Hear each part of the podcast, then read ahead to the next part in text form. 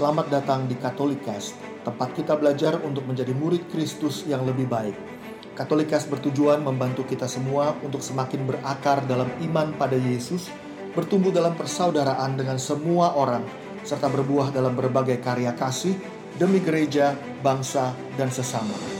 Katolikas berisi cerita kesaksian dan refleksi hidup sebagai pengikut Kristus, katekese iman yang relevan dan praktis untuk hidup sehari-hari, serta dialog topik-topik kekinian dengan berbagai narasumber untuk memperkaya hidup iman kita semuanya. Selamat mendengarkan, Tuhan memberkati.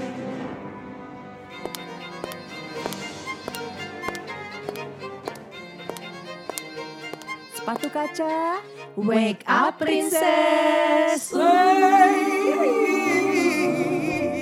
Sekawati, sekawan semuanya. Halo semuanya. Halo, jumpa lagi. Halo. Siapa tuh? Iya ada banget. cowok. Iya ada cowok, serem Iya ada banget. cowok. Ngeri. Paling cantik gua. Baik, hari ini kita ketemu lagi. Eh, di sini hari ini ada Lia, Hai.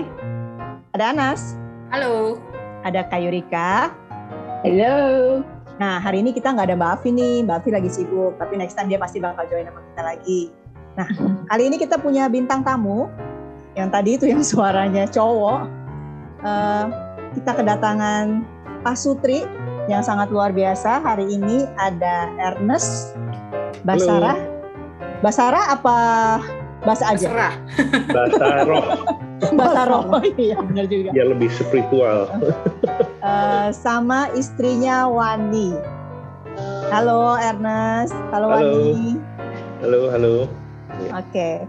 Nah hari ini kita ini kan kayak apa ya dari kemarin tuh kita udah membicarakan mengenai awareness kita terhadap kesuburan perempuan, awareness kita atas tubuh perempuan, awareness kita terhadap bagaimana kalau kita single pun masih harus mm, melihat siklus kita dan itu kita mulai dari waktu kita masih single gitu untuk melihat uh, kesuburan kita, untuk melihat uh, apa ya uh, kesehatan reproduksi kita mulai dari single dengan memantau dengan cukup jelas siklus mens kita. Nah, kita kemarin sebut-sebut ada metode okulasi Billings yang kemarin kita sebut-sebut. Nah, hari ini kita mau bahas ini lebih dalam lagi, tapi nggak sama single, tentu saja sama Pak Sutri yang sudah memakai metode ini berapa tahun ya? Nanti kita kita, tanya mereka ya berapa tahun mereka udah memakai metode ini dan apakah buat mereka ini menyusahkan? Apakah buat mereka ini menyebalkan? Apakah mereka pernah putus memakai uh, metode ini ataukah mereka pernah gagal dalam memakai metode ini? Nah, kita ngobrol-ngobrol deh di situ. Kegagalan yang sangat deg-degan itu. Kegagalan yang membawa berkat. Tuh. Oh, gue demen nih. mesti gitu. Iya, gue demen nih optimis banget nih cowok kayak gini. Soalnya Iya, gue soalnya gue banyak dapat input kayaknya udah merit mau MOB gitu kayaknya nggak mungkin banget gitu. Jadi kan gue bawaannya mikirnya begitu gitu maksudnya. Salah Iya. ya? Iya, banyak orang yang berpikir gitu. Aduh, kalau udah merit udahlah ribet lah, mesti begitu begitu gitu. Jadi ya udahlah kan? pakai aja, uh, udah Pakai aja kontrasepsi aja. gitu kan. Iya, pakai aja kondom yang gampang, pakai aja itu suntik yang gampang gitu. Ah, Kayak teman-teman gue pada nungguin gue punya anak keempat. Oh, itu ditungguin apa? Tiap bulan gue diabsenin. Lu udah mens belum? Lu udah mens gitu. Ya ampun. laki lu aja nggak nanyain terus ya? Iya. Temen-temen lu nanyain. Tahu. Nah, gue mau tanya dulu nih. Gue mau tanya sama. temennya gue gue pengen tahu teman-teman lo bukan suaminya temen lo kan? Bukan lah gila. gue mau nanya dulu deh. Gue mau tanya sama sama sama Wami tadi berkenaan dengan udah berapa lama sih kalian meritnya udah berapa lama? Kita merit dari tahun 2005. 2005. Iya, Jadi 2005. sekarang itu 16 tahun. 16 tahun lah ya. 16 tahun. Oke. Iya, Nah. iya. Dari awal itu emang udah setuju gitu. Maksudnya memang kalian udah waktu pacaran udah rembukan bahwa gue kalau udah habis merit sama kita udah habis merit, kita akan pakai sistem ini gitu. Kita akan pakai uh, natural family planning dengan uh, MOB ini untuk membangun keluarga kita gitu. Ya dari dulu sih kita udah ya udah sepakat ya maksudnya untuk pakai MOB kalau kalau dulu di Amrik tuh dibilangnya NFP ya, um, jarang Mhm. disebut MOB jadi Mhm. Natural Family Planning. Um, natural Family Planning salah satunya uh, yang dipakai MOB, nah, uh, apa billing method gitu. Cuman nggak uh, biasanya dikombin sama basal body temperature, terus sama uh, ya apa cervix uh, ngecek cervix dan dan segalanya gitu. Jadi itu dicampur sih bahkan sekarang dicampur juga sama yang uh, buat ngecek pakai itu tuh ovulation tuh. Ya, Jadi pakai market, alat ya. market ya market method gitu loh. Um, tapi dari dulu sih kita udah mau pakai metode ya natural family planning lah yang di, sebelum nikah uh, uh, udah ngomongin. Oke. Um, tapi ya waktu dulu kita mikirnya oh ya, ya cobain aja cobain aja gitu loh. Nah dalam prosesnya kita baru tahu gitu maksudnya. Um, dulu pikir kan kalau misalkan apa ikut seminar-seminar gitu kelihatannya easy gitu kan ya. Iya, heeh, gitu. benar. Perlu gue akuin sih nggak easy sih. So. itu aja gue jujur. Nggak easy seperti perkawinan itu sendiri kan? Betul, betul gitu. Ternyata complicated juga gitu loh. Um, ya sampai sekarang juga nggak, menurut gue sih nggak easy sih. Cuman ya all the good things nggak pernah ini ya uh, didapatkan dengan gampang ya gitu. Iya. Jadi worth it worth it aja sih gitu. Eh, maksud gua kalau itu nggak easy, kenapa lu masih mau melakukan? Kalian Karena berdua masih mau berjuang untuk melakukan itu. iya karena yang gue lihat buahnya itu ya worth it gitu loh. Maksudnya gue selalu punya prinsip bahwa ya sesuatu yang uh, great things itu nggak pernah dicapai dengan gampang gitu loh. Um, Hmm. Salah satunya juga kenapa MOB kita terus lanjutin karena kita melihat buah-buahnya gitu loh. Karena di situ kan ada apa namanya pengendalian nafsu, terus pengendalian Nah, nanti itu bisa uh, apa bergeser ke aspek-aspek lain gitu. Jadi cuman bukan nafsu birahi doang tapi juga uh, pengendalian amarah gitu loh. Terus uh, bisa komunikasi lebih banyak which is semuanya good recipes buat buat marriage gitu loh. Hmm. Nah, lama kelamaan emang pertama nggak kelihatan sih maksudnya kalau dilakuin tuh buahnya belum kelihatan gitu sama Hmm. kayak orang nyiram tanaman aja kan. Hmm. Nyiram tanaman nggak langsung kelihatan buahnya dalam seminggu gitu loh. Iya. Tapi along the way um, tanpa sadar, sadar nggak sadar sih sebetulnya kita berubah Gitu. Jadi Iya I think sih. it's worth ya worth the fight sih maksudnya. mungkin mungkin bahkan di awal-awal justru lebih banyak melihat kerebetannya ya. Eh, awal-awal kenapa? Iya, lebih banyak melihat kerebetannya, kesulitannya gitu dalam memakai. Enggak juga. Kebalik, hmm, kebalikan. Karena open to life. Iya. Oh iya, karena emang punya anak ya. Tapi begitu dapat anak pertama langsung di situ gitu Oh, ya. anak pertama masih oke, kedua juga masih oke gitu. Iya, oke. Uh-uh. gitu. Nah ini, nah di sinilah di sinilah keribetan itu terjadi. Iya. Gue nggak tahu deh kalau untuk eh, apakah Wani sendiri yang benar-benar eh, ngitungin semuanya, nyatetin semuanya, apa dalam hal ini Ernest juga ada ada apa ya, ada peran lah untuk ngingetin atau peran untuk gimana? Ada, ada peran sih Ernest. Banyak nih yang bikin Excel chart. Temperatur gua, Oh, gue lebih cuek. Pokoknya Oke. itu kan temperatur rasa banget kan setiap kali ya. Gue mesti bangun pergi kerja misalnya jam 5 ya everyday mesti jam 5 even Sabtu Minggu pun gue mesti bangun gitu-gitu cuma buat ngukur temperatur terus tidur lagi gitu kan. Iya, abis itu sisanya ntar Ernest yang masukin ke data, data terus dia yang bisa bikin statistik deh chartnya gue kira-kira gimana. Tapi gue nggak berpola tiap bulan kan dan gue nggak sebulan sekali dapet kan setiap Hmm. dua bulan bisa tiga bulan. Jadi dalam setahun tuh nggak 12 kali 11 kali. Paling cuma 8 9 kadang kalau lagi gila bisa 6 Oke, oke. jadi dia juga bingung. Pertama, pertamanya rajin, wah tantangan nih, chartnya bingung nih, analyze analyze. Lama-lama gue tambah bingung ya udah. Berarti, Untung dapatnya Ernest loh. iya. Kalau nggak dapat Ernest tuh, dapatnya kayak tipe laki gue anaknya 10 jangan-jangan. Eh, tapi gue mau tanya nih balik gara-gara itu gue balik balik ke Ernest nih. Lu tadi kan ngomong soal eh, menahan nafsu ya. Iya, iya. Emangnya iya. mungkin gitu ya cowok menahan nafsu ya? Maksudnya eh, entar lu gak jadi sakit jiwa gitu? Lu Maksudnya nggak prostat. Sakit jiwa enggak cuma kan. prostat mungkin tuh. ditahan-tahan gitu kan?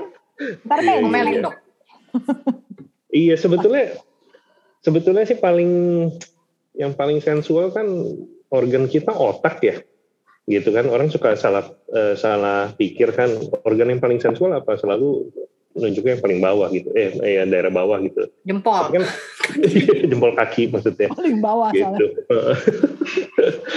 Terus em, tapi sebetulnya organ yang paling sensual kan sebetulnya otak ya. Em, gua nggak maksudnya gua nggak sugarcoat bahwa ini tuh gampang gitu. Tapi begitu ada mindset yang berbeda itu eh, badan juga lama-lama ngikutin sih gitu. Sama kita pernah amit-amit gitu ya pernah di apa dirawat karena eh, kolesterolnya tinggi gitu itu mindsetnya kita langsung berubah tuh Em, tadinya kita mau apa makan eh, apa aja yang berminyak susah untuk nahannya tapi sekarang gara-gara ada kejadian itu kita bisa berubah mindsetnya gitu dan kita bisa makan wortel wortel rebus brokoli da- eh, dada ayam rebus kayak gitu nggak nggak susah lagi gitu karena ada ada yang mendorong kayak gitu Mm-mm.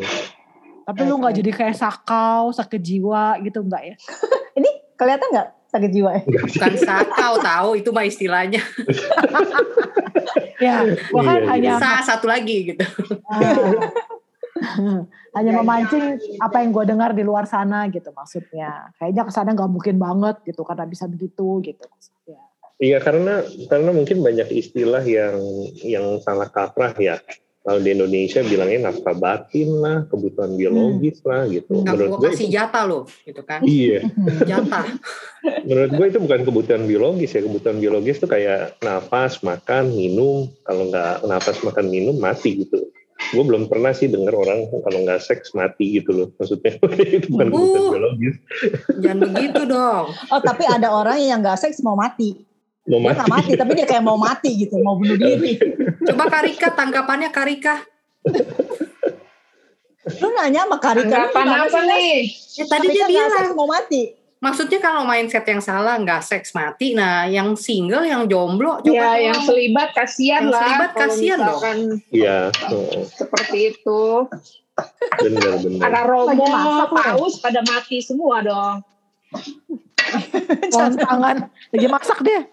Iya. Nah itu kalau nggak masak dia mati. Iya benar, karena dia nggak makan. Betul, betul, setuju. Sorry, sorry. Ya udah, kalau kalau gitu selama ini berarti eh, sebenarnya gue mau bilang nih di podcast ini kan emang banyak kan sekawat yang dengerin. Tapi karena di sini ada juga beberapa sekawan, gue mau menekankan nih karena sebenarnya kalau kita lihat dari bintang tamu kita hari ini, maka sebenarnya Ernest berperan cukup besar gitu dalam menyukseskan MOB atau menyukseskan eh, natural family planning di keluarganya gitu. Karena ini adalah sebuah kerjasama eh, badannya emang badan perempuan, siklusnya emang siklus perempuan.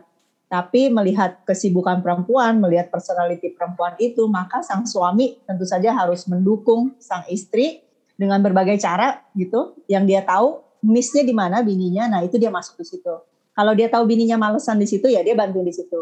Kalau bininya lupaan di bagian yang B, ya dia bantuin bagian B. Nah, gue juga mau ngajak ke sekawan semua, eh, untuk yang single nggak apa-apa, dari sekarang belajar itu. Untuk yang udah menikah, eh, lebih banyak support istrinya tentu saja gitu kan ke depannya. Baik mengenai natural family planningnya maupun untuk hal-hal lain di dalam rumah tangga sih. Gue mau tanya. kan tadi kan kalau kalau Ernest itu kan susah ya maksud eh maksudnya si Wani kan eh, jadwalnya susah tuh kan kadang-kadang eh, berapa sebulan nggak dapet Iya, sebulan nggak dapet gitu kan nah gue mau nanya teknis nih maksudnya jadinya gimana maksudnya selama lu nggak sure gitu ya eh, ini subur orang nggak subur atau apa tuh jadinya gimana gitu secara teknisnya tuh gimana bisa boleh main. Ya, Wani coba. Ya, teknisnya nggak main. Tidak ada main, tidak ada teknis justru. Ada teknis. tidak ada teknik Ini justru bagus buat yang single ya. Buat kalau cari suami kan nanti di interview dulu gitu kan. Ditanyain dulu mau nggak NFT gitu kan. Apalagi kalau dua-duanya in the same boat Catholic gitu kan. Mau nggak kita NFT? Kayak gue waktu itu udah ngomong sama Enes, gue mungkin nggak bisa punya anak nih gitu kan. Soalnya ya gue nggak nggak tiap bulan dapet gitu kan. Kalau gue nggak bisa punya anak gimana gitu kan. Ya dia bilang ya it's okay kita malah bisa missionary ke, ke dalam pedalaman gitu. Dulu masih ideal. Jadi pasti kita masih mindsetnya mau balik ke itu walaupun waktu itu kita masih di US gitu kan masih pacaran lima tahun kan pacaran. So we've been together like for 21 years now. Jadi ya ya gitu sih. Cuman ya itu penting gitu untuk diomongin pas lagi pacaran. Jadi pas kita udah masuk pernikahan, we're in the same mood, punya satu misi, satu visi. Jadi kalau gue udah mau give up, kayak masalah sterilization waktu kemarin udah mau give up, karena technically we have five kids, dua kan miscarriage. Sempet udah mau ini ya udah mau give up, tapi ya ada Ernest yang lifting me up gitu, motivate me, remember. Jadi ya gue juga, oh ya, try to obey the church juga gitu karena ya hidup di sini kan cuma sementara lama-lama nanti gitu kan jadi ya try untuk nabung juga gitu try to obey the church Oke. Berarti emang penting banget buat yang single terutama kalau milih suami supaya bisa jadi imam dalam keluarga. Amin ya robbal alamin. jadi partner Wah, Pasti Oh, ada maunya nih abis ini. Duit belanja udah transfer belum duit belanja? Betul. Duit skincare, Nes, duit Oh iya, skincare. skincare. mau tanya sama Wani dong. Dalam menjalani MOB ini apa ketakutan yang paling besar yang pernah terjadi dalam hidup lu dan gimana lu ngelewatin itu? Yang yang ya ke Wani, ke cewek. Takut kalau positif dong. Oh, kalau positif. dan belum siap gitu kan. Hmm. Ya tapi God is good sih. Dia tahu gua. Ya gua udah jerit-jerit juga kan udah dalam hati. Ya teriaknya begitu hamil Rafa gitu kan di C-section sakitnya minta ampun gua bad experience. Terus pokoknya gue bilang sama Tuhan aduh jangan kasih sampai gua back to back deh. Soalnya kan gua nggak breastfeeding eksklusif. Dan kita juga ada teman yang ngajarin tentang um, MOB NFT Andriani kan udah ngelakuin di rumah teman. Dan dia bilang breastfeeding itu bukan natural family planning. Lu bakal bisa tetap hamil kalau nggak eksklusif gitu kan. Karena it happened to her. Belum ada setahun dia udah hamil yang anak Yeah. yang kedua gitu kan. Jadi wah gue udah ketakutan. Gue gimana taunya? Gini um, hormon gue juga habis lahiran nggak jelas gitu kan. Dan setelah itu masih nggak jelas gitu kan Hmm. ya jadi ya udah ketakutannya gitu sih ketakutannya ya kalau salah hitung masa tidak subur dan bukan yang hitung mengenali uh, masa subur sama masa tidak suburnya. Terus kalau tahu jadi baby ya yang pas kedua sih karena kita masih open ya ya udah gitu kan. Tapi yang pas uh, setelah uh, Riley sempat ya takut juga pas habis hamil Riley itu sempat pengennya aduh apa gue di steril aja ya gue nggak benar-benar dipotong kanan kiri Hmm. dibakar biar nggak bisa nyambung lagi gitu. Kalau perlu diangkat gitu. Jangan sampai jadi lagi nih gue udah ada umur nih. Dokternya mana nanyain terus setiap kali datang kan gue datang sendiri selalu kan kalau ke dokter. Pas lagi hamilan juga Ernest nggak ada gitu kan. Oh, kesannya that's that. Dok, dokternya juga mikir gitu kan nih orang nggak tobat-tobat gitu. Ada suaminya agak sih. Iya, udah udah nggak ada suaminya. Kontrol Tapi sendiri. nggak mau steril lagi. mau lahiran, mau lahiran, nggak ada juga suaminya. Tapi nggak mau disteril lagi. Ditanya loh sampai udah sakit, gue ini mah yakin nggak sama si dokter Bambang tuh? Oke, bisa nggak sebut nama ya? Bambang banyak kok Bambang. Jangan sebut gimana ya. Ya ditanyain terus samanya ini yakin nih mumpung saya buka nih katanya. Jadi bisa sekalian gitu kan. Aduh, sampai kayaknya aduh nih. Tapi mesti tanda tangan suami, suaminya kagak ada. Iya udah deh. Ntar aja nggak jadi gitu kan nggak tahu ntar keluarin dulu anaknya. gitu. Tapi itu good point sih. Eh, bahkan dulu gue inget eh, waktu dokter di Amerika tuh mereka eh, dia juga kayaknya ngetawain kita sih Oh, bahwa iya eh, waktu apa eh, lahiran eh, Rainer ya? Iya, Rina. ditanya your method uh, your method birth, uh, birth control apa? Uh, birth control methodnya. Terus kita bilang NFT terus dia bilang gitu. Ketawain Kayak, loh. iya. diketawain sih gitu. Jadi dari medical juga banyak pressure-nya sih karena mereka ya mereka kan gua ngerti lah mak maksudnya uh, science itu mereka nggak ini ya Em, ibaratnya ya udah pokoknya exactnya seperti ini metodenya gitu jangan Ya. open for something yang unknown Pasti, atau iya. uh, Kita yang aneh gitu malah ya. Kita ya pres- aneh. pressure-nya rada ya kita harus harus pede aja sih sebetulnya gitu di Indonesia juga ya ditanyain gitu juga sih Iya. kayak gitu? Kasihan katanya suaminya gitu. Gue suka digituin. Kayak pakai KB-nya apa bu? Gitu dia lihat umur gitu kan. Pakai KB-nya apa gitu kan. Enggak saya eh, MOB dia nggak ngerti MOB kan. Jadi apa yang pakai kalendernya mirip-mirip kayak gitulah dok? Gue pusing jelasinnya kan gitu kan. Heeh. Mm-mm. dia bilang aduh kasihan banget suaminya. Sus sus sini deh sus. Kasihan deh sus. Ini masa lakinya puasa segini lama gitu kan. Orang mah seminggu mesti tiga kali gitu seminggu tiga kali katanya Seminggu tiga kali. kayak ke gym aja gitu kan Benar juga. Dia pikir bininya barbel. iya diangkat mulu Eh tapi Tapi- kan lu tapi lu nggak tahu loh Nas itu seminggu tiga kalinya sama orang yang sama apa enggak? iya makanya gila Jadi gosip gimana sih? Kayaknya kayaknya itu penting juga sih. Maksudnya em, orang kan suka pikir, weh ntar lu kalau nggak dikasih suami lu jajan lu gitu kan. hmm. Justru menurut gue dengan dengan pemikiran yang tepat gitu ya, eh, pemikiran bahwa ya seks itu untuk procreation gitu ya. Eh, Recreationnya kan adalah eh, feeling yang dikasih Tuhan supaya kita itu eh, waktu melakukannya kita juga boleh menikmatinya gitu. Eh, bukan seks saja gitu, makan juga karena makan itu sesuatu yang penting ya kan? Eh, untuk nourishment. Jadi Tuhan juga kasih feeling waktu kita makan kita puas gitu loh. Tidur juga karena tidur itu penting buat eh, apa kelangsungan hidup manusia kan? Waktu kita tidur kita rasanya juga enak gitu. Sama juga dengan seks gitu loh. Eh, tapi intinya adalah buat procreation. Nomor satu adalah buat procreation gitu loh. Nggak bisa di apa dilepaskan atau diseparate dari eh, tujuan utamanya sendiri gitu. Jadi kayak makan misalkan kita cuman recreation doang makan nih recreation doang nih eh, tanpa ada nourishmentnya gitu untuk kesehatan ya akhirnya kita badannya juga akan disintegrate ya gitu. Iya. Nah em, kalau seks juga kalau misalkan kita lepaskan dari sisi procreation ya, recreationnya doang, itu marriage juga bakal disintegrate menurut gua gitu karena kalau kita entertain kita punya nafsu justru sebalikannya gitu loh. Kebalikannya adalah bahwa kita nanti akan cari yang seperti itu.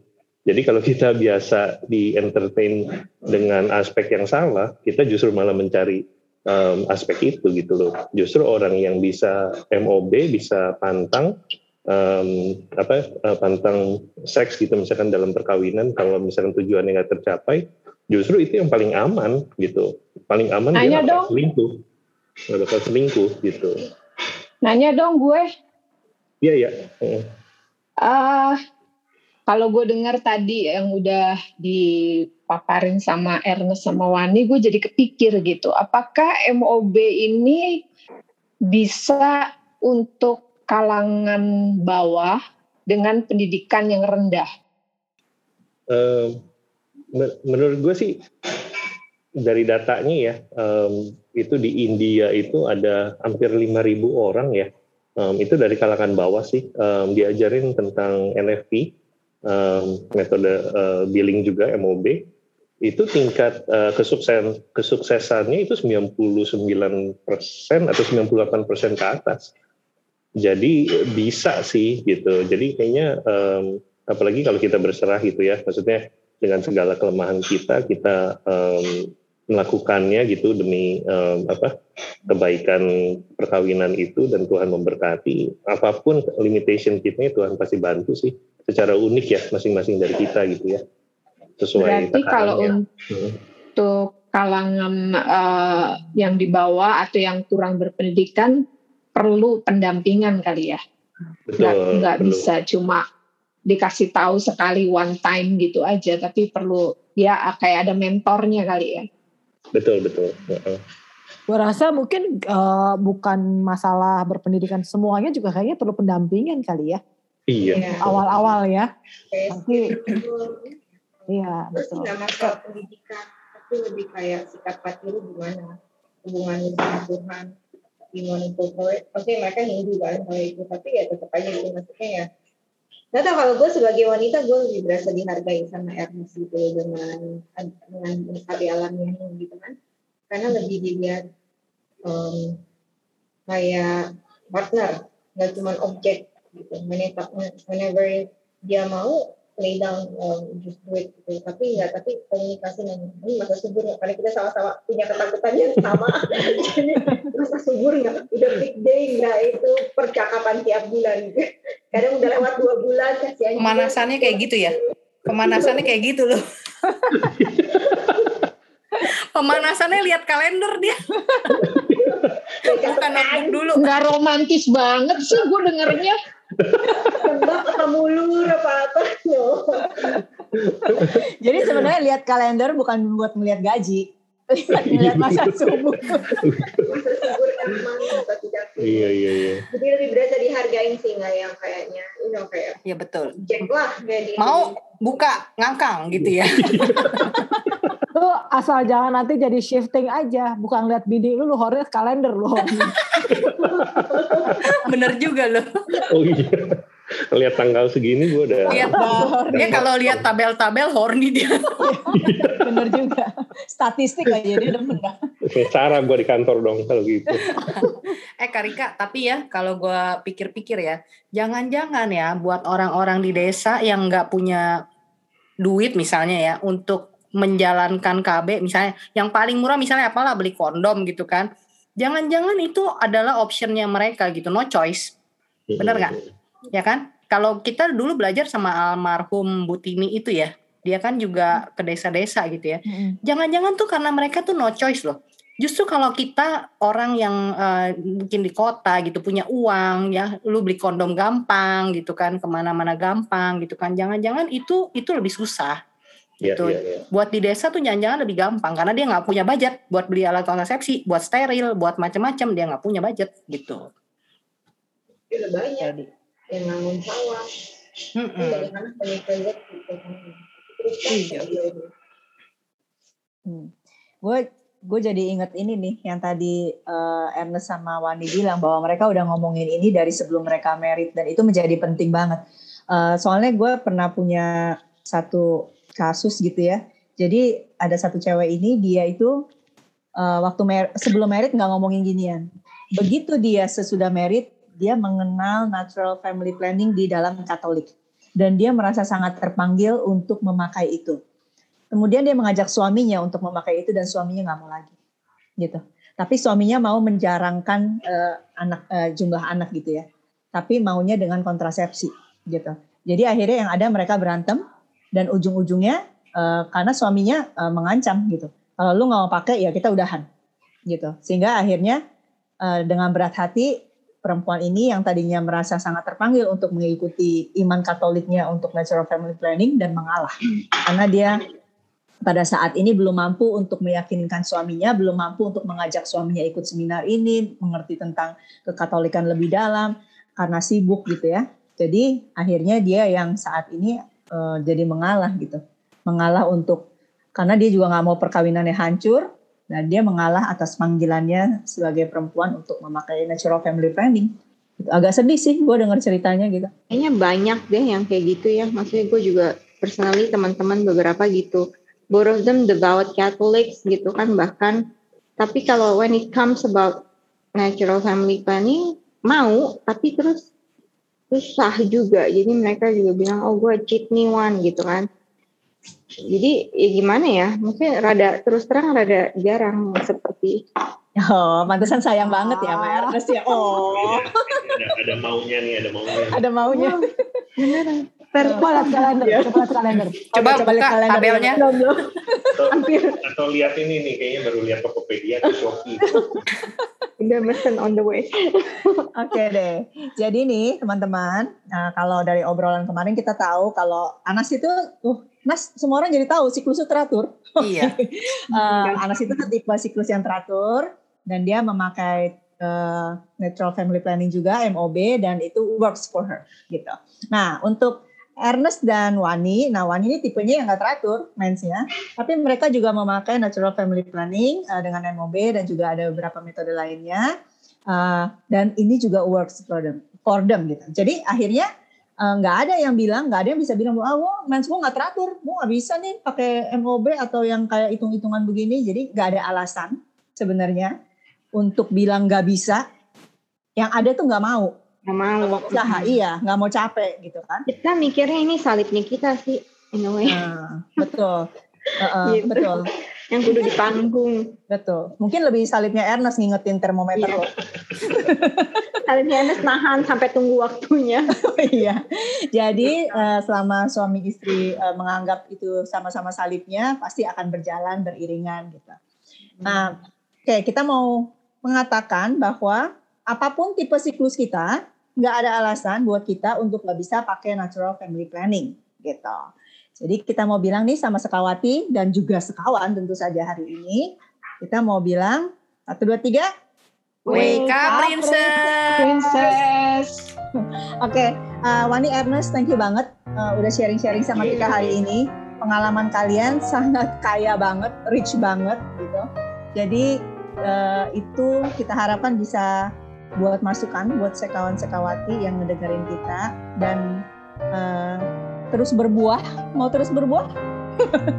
Nggak mau ya? Oh, Tergantung buahnya di mana. ya tergantung buahnya Kalau buah yang kudu berbuah nggak mau.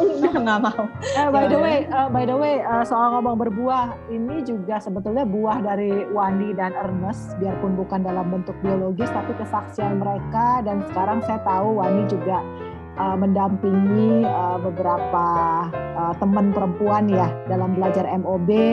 Lalu kami di komunitas juga ada kelompok eh, yang ada cowoknya juga yang juga memperdalam soal MOB ini. Jadi sekawan, sekawati kalau ada yang uh, mau belajar soal MOB, silahkan kontak kami di mana Chen IG-nya?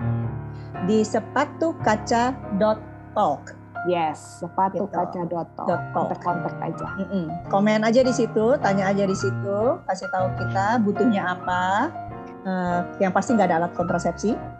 yang ada cuman kalender yang kita kasih, gitu. Sama pulpen sama pensil, Ah, gitu aja. Oke Sama deh, kalau stiker, gitu. sama stiker. sama stiker. Oh iya, boleh. boleh apa? Stiker-stiker itu ya. Kayak anak dapat rewards. dapat Iya. stiker. Baik, kalau gitu kita akan ketemu lagi next time sama topik kita yang berbeda. Thank you sekali lagi buat Ernest sama Wani. Thank you. udah datang. Thank you. Thank you share-nya. Bye-bye semua. Makasih Ernest, Bye-bye. makasih Bani. Bye. Bye semuanya.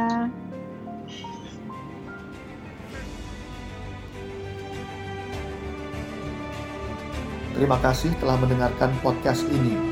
Jangan lupa untuk berbagi Katolikes kepada para sahabat dan kenalan kita, supaya semakin banyak orang mengenal kabar gembira Tuhan Yesus dan mengalami kasih-Nya yang memulihkan, menguatkan, dan memberkati. Sampai jumpa di episode Katolikes yang lain.